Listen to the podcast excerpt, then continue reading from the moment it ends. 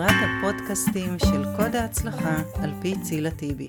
בפרק הזה אני אדבר על ניהול עצמי, ובשם הנפוץ יותר, ניהול זמן. אדבר גם על איך תוכלו לנהל את הזמן שלכם ביעילות, על איך אפשר להספיק לבצע את כל המשימות, מה עושים בתקופות לחוצות במיוחד, ואיך להתנהל לפני מבחן. כמורה, אני לא פעם שומעת תלמידים שמדברים מתוך לחץ. יש לי המון מטלות, נותנים לי המון עבודות, אין לי חיים. המורה להיסטוריה נתנה לנו ים של חומר ללמוד למבחן, המורה לספרות נתנה לנו לכתוב דוח קריאה. אני מדריכה בתנועת הנוער וצריכה להכין פעילות, יש לי חוג כדורגל ואני מתאמן כל השבוע. רגע, זה לא הסוף, יש לי יום הולדת לחברה וגם לשמור על אחותי הקטנה ואני צריכה להתכונן למבחן. וואו, רק מלשמוע את זה אפשר להיכנס ללחץ. באמת, איך אפשר להספיק לעשות הכל? במצב כזה של עומס, יש מצב שהמוח משדר מצוקה ונותן פקודה להפסיק לעשות הכל. מה שיוצא שבסוף לא עושים כלום ולא מתקדמים ויש חוסר אונים מוחלט. אז מה עושים? דבר ראשון, כדאי להוריד את רמת הלחץ. וצריך לזכור שהכל אפשרי. יש לנו ביממה 24 שעות. מתוכם אנחנו ישנים נניח 8 שעות, אז נותרו לנו 16 שעות. מתוך ה-16 שעות, אם אתם תלמידים, סביר להניח שאתם לומדים 8 שעות. מה שמותיר לכם 8 שעות לביצוע כל המשימות. 8 שעות שאפשר לשלב בהם משימות והנאות. ארגון וניהול נכון של הזמן הוא זה שיעזור לכם להצליח לנהל את כל המשימות. שם המשחק כאן הוא תכנון והתארגנות מראש. אני אתן לכם כמה רעיונות שיכולים לעזור לכם להתארגן. תחילה, תרשמו את כל המטלות והפעילויות שיש לכם על דף. פשוט תורידו מהראש את כל העומס. הדף סופג הכל. עכשיו תגדירו את סדר העדיפות על פי מידת החשיבות של כל מטלה או פעילות. תגדירו מה חשוב לכם יותר ומה חשוב לכם פחות מתוך רשימת המטלות שלכם. עכשיו, קחו לוח שנה או יומן דיגיטלי ותרשמו את המשימות לפי ימים. חשוב שאתם תראו את כל התמונה ותראו מה מצפה לכם, כי כשיש ודאות, יותר קל להסתדר, וזה מאפשר רוגע. תזכרו שהמטרה היא להתנהל עם כמה שפחות לחץ. בואו ניתן לכם דוגמה. למשל, אם יש לכם לוח מבחנים, כדאי לרשום בלוח השנה מתי מתקיים כל מבחן. למרקר את המשבצת של יום המבחן ולשבץ את כל המשימות האחרות בהתאם לזה. אחר כך, תכניסו את המשימות היומיות מתוך הרשימה שרשמתם בהתחלה. תשבצו כל משימה בהתאם למידת החשיבות שלה.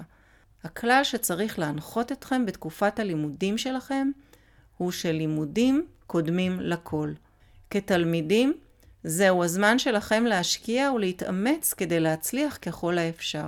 ודאי תאמרו שאפשר לעשות מבחן חוזר, או בגרות, בגרות מועד ב', אבל אתם לא באמת רוצים לעשות דבר כזה. כי זה יכניס אתכם ללוח זמנים צפוף יותר, ויוסיף לכם עוד משימות.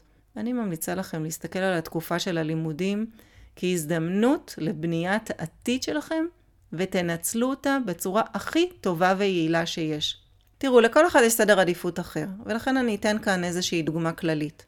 למשל, אם יש לכם בלוח הזמנים מבחן ביום שלישי, יום הולדת לחברה ביום שני בערב, מטלה שצריך להגיש ביום רביעי, פעולה בתנועה גם ביום רביעי, ועוד מבחן ביום חמישי. אז קודם כל, הגדרת סדר העדיפות היא כזאת שקודם כל הצלחה במבחנים. אחר כך המטלה בספרות, ואחר כך כל השאר. אז אה, איך מחלקים את הזמן? יום ראשון ושני לומדים למבחנים. מחלקים את הזמן של הלמידה בין המבחן של יום שלישי למבחן של יום חמישי. כן, אפשר ללמוד לשני מבחנים בו זמנית, זה אפשרי. ביום שני אפשר לסיים ללמוד בערב, לארגן את כל החומר בספרות לקראת הכנת המטלה, לבדוק שיש לכם את כל המקורות שאתם צריכים בשביל לכתוב את המטלה, ואז אפשר ללכת למסיבת יום ההולדת בראש שקט. כמובן, לא להישאר במסיבה עד שעה מאוחרת, כי אתם צריכים לקום רעננים למבחן שיש ביום שלישי. והכי כיף אחרי המבחן, לסמן X בלוח השנה. ועכשיו נחים קצת, ויושבים להכין את המטלה בספרות. ביום רביעי מגישים את המטלה בספרות, מתכוננים לפעולה בתנועה, ומיד אחריה עושים חזרה לקראת המבחן של יום חמישי. מסיימים והולכים לישון בשעה סבירה כדי לקום רעננים לקראת המבחן. ואחרי שתסיימו את השבוע הזה, תצ'פרו את עצמכם, כי בהחלט עמדתם במשימה. כן, חשוב שתעלו את המורל שלכם ותעודדו את עצמכם שהצלחתם, ותנוחו בסוף השבוע. ואחר כך תתכננו לכם את השבוע הקרוב. כך תכינו לעצמכם כל שבוע לוח שבועי. אני ממליצה גם להכין דף משימות יומי. מה המשימות שיש לאותו יום בהתאם ללוח השנה שיש לכם עם המשימות הגדולות. דוגמה לדף משימות יומי. ללמוד למבחן בספרות, אה, וגם צריך להתקשר לתאם שיעור נהיגה, וצריך גם לתאם שיעור עם המורה הפרטית. כן, גם ללכת לחדר כושר, אה, ולהכין את כל המטלות. אז זה דוגמה למשימות של יומיות. ובסוף היום אתם מסמנים וי על כל המשימות שהספקתם. אין לכם מושג איזו הרגשה של סיפוק שעושים וי על כל המשימות. חשוב גם כאן להתחיל במשימות שהן נמצאות בראש סדר העדיפות שלכם, ומשימה שלא הספקתם, מעבירים ליום הבא. ואם יש לכם מערכת עמוסה במיוחד בשבוע מסוים, כדאי להכין לוח זמנים שבועי מפורט של כל ימי אותו שבוע. תפרטו את השעות המוקדשות לכל מטלה. חשוב שתוכנית כזאת תהיה איתכם כל הזמן, כדי שתוכלו לעדכן אותה בזמן אמת אם יהיו שינויים. את הטבלה אתם יכולים להכין ביומן, או על דף חלק בנפרד, או בלוח משימות דיגיטלי, בטלפון הנייד שלכם. ואם יש לכם ימים לחוצים במיוחד, אפשר לבנות לוח זמנים יומי ולפרט את המטלות שעה אחר שעה. ממש לוח זמנים מדויק. מאיזו שעה עד איזו שעה עושים כל משימה. תכף אני אתן לכם דוגמה. רק אני רוצה להגיד שקישור ללוח כזה אתם יכולים למצוא בגוף הפרק בספוטיפיי. אני רוצה להזכיר לכם גם שיש לכם שמונה שעות לנהל, והטבלאות האלה ממש ממש שימושיות. והן יהיו גם שימושיות בחיים הבוגרים שלכם לניהול פרויקטים, לניהול הבית, לארגון אירועים. אז איך מנהלים אה, יומן כזה? אתם מקציבים לעצמכם זמן לכל משימה. למשל, משעה חמש עד שש וחצי אני מכין שיעורי בית במתמטיקה. משעה שש וחצי עד שבע אני משחק במחשב או גולש ברשתות חברתיות. רק חשוב שתדעו לעצור בזמן, אני ממליצה לכם לשים טיימר, אחרת אפשר לגלוש בזמן גם כמה שעות מבלי להרגיש, ואז לא נותר זמן לכל הפעילויות המתוכננות. אחר כך משבע עד שבע וחצי אני אוכל ארוחת ערב, משבע וחצי אני מכין את המטלה בספרות, וכולי וכולי. איך מארגנים לוח זמנים לקראת מבחן? אתם צריכים לדעת כמה זמן ייקח לכם ללמוד כל דבר. למשל, האם יספיק לכם יום אחד, יומיים, או אולי שבוע ימים? לדוגמה, אם יש לכם שלושה ימים ללמוד למבחן שמורכב מחומר שלמדתם אותו בבית הספר במשך עשרה שיעורים, אז כדאי שתחלקו את הזמן שלכם כך שביום הראשון תעברו ותסכמו את השיעורים של חמשת הימים הראשונים ותתרגלו את החומר. ביום השני תעברו ותסכמו את חמשת השיעורים הבאים ותתרגלו. ביום השלישי תעברו על הסיכום ותפתרו שאלות ומבחנים לדוגמה. ניהול הזמן הוא קריטי במיוחד כשאתם רואים שאתם לא עומדים בלוחות הזמנים שהגדרתם לעצמכם. אם לדוגמה הגעתם לסוף היום הראשון של החזרה למבחן והספקתם ללמוד רק, רק עד השיעור השלישי מתוך החמש, סימן שהקדשתם יותר מדי זמן לכל פרק. במקרה כזה, ביום השני תקציבו מחדש את הזמן שנותר לכל שיעור ותקפידו לעמוד בלוח הזמנים. החוכמה היא לשלב את המשימות יחד עם ההנאות שלכם בחיים. אני באופן אישי מאמינה שלא צריך לוותר על הדברים הטובים. וכל אחד מגדיר לעצמו מה חשוב וטוב לו.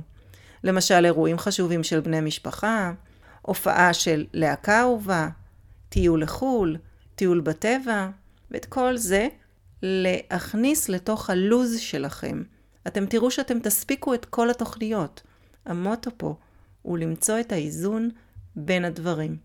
וניהול נכון של כל המשימות יאפשר לכם לעמוד בהצלחה בכל הפעילויות, ואפילו ליהנות מהפעילות של שעות הפנאי.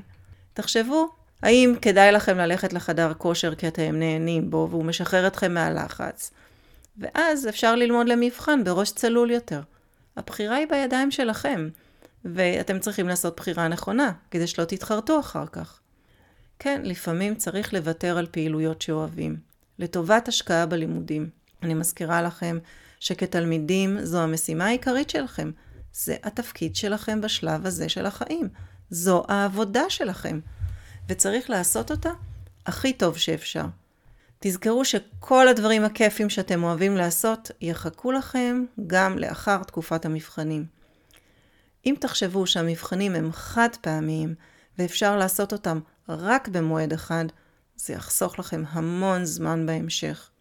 הדחייה של המבחן יוצרת רק אשליה של עוד זמן. בפועל זה יוצר עוד לחץ. כדאי שתזהו את השעות שבהם אתם במיטבכם, ורמת הריכוז שלכם גבוהה. לכל אחד יש את הזמן שלו. יש כאלה שמאוד ערניים בבוקר, ויש כאלה שאחר הצהריים או בערב. למשל, אם אתם יודעים שאתם מרוכזים יותר בשעות הערב המאוחרות, אז את כל המשימות ש... שלא קשורות ללימודים, תעשו עד אז, כדי שתוכלו להתחיל ללמוד בראש שקט בערב. הכי חשוב שבזמן שאתם לומדים, תנטרלו מסיחים שמפריעים לכם להתרכז. למה אני קוראת מסיחים? מחשב, שיחות טלפון, אינטרנט, רשתות חברתיות או טלוויזיה. המסיחים האלה נקראים זללני זמן. הם פשוט זוללים לכם את הזמן ולא מאפשרים לכם זמן לביצוע המשימות שתכננתם. מה שאפשר לעשות זה לשלב אותם כחלק מהתוכניות שלכם. לסיכום, ניהול זמן הוא המפתח להצלחה בלימודים. ארגון נכון וחכם של הזמן שלכם יאפשר לכם להספיק הכל ללא לחץ. תקבעו סדר עדיפות ותמצאו את האיזון הנכון בין הלימודים לבין הפעילויות החברתיות. תערכו רשימה של מטלות מסודרת ולוחות זמנים מפורטים, במיוחד בתקופות עמוסות, ותשתדלו לעמוד בזמנים שקבעתם לעצמכם לכל מטלה. בזמן שאתם לומדים, תימנעו מהמסיחים וזוללי הזמן. ההצלחה בידיים שלכם. נשתמע בפרק הבא של קוד ההצלחה על פי צילה טיבי.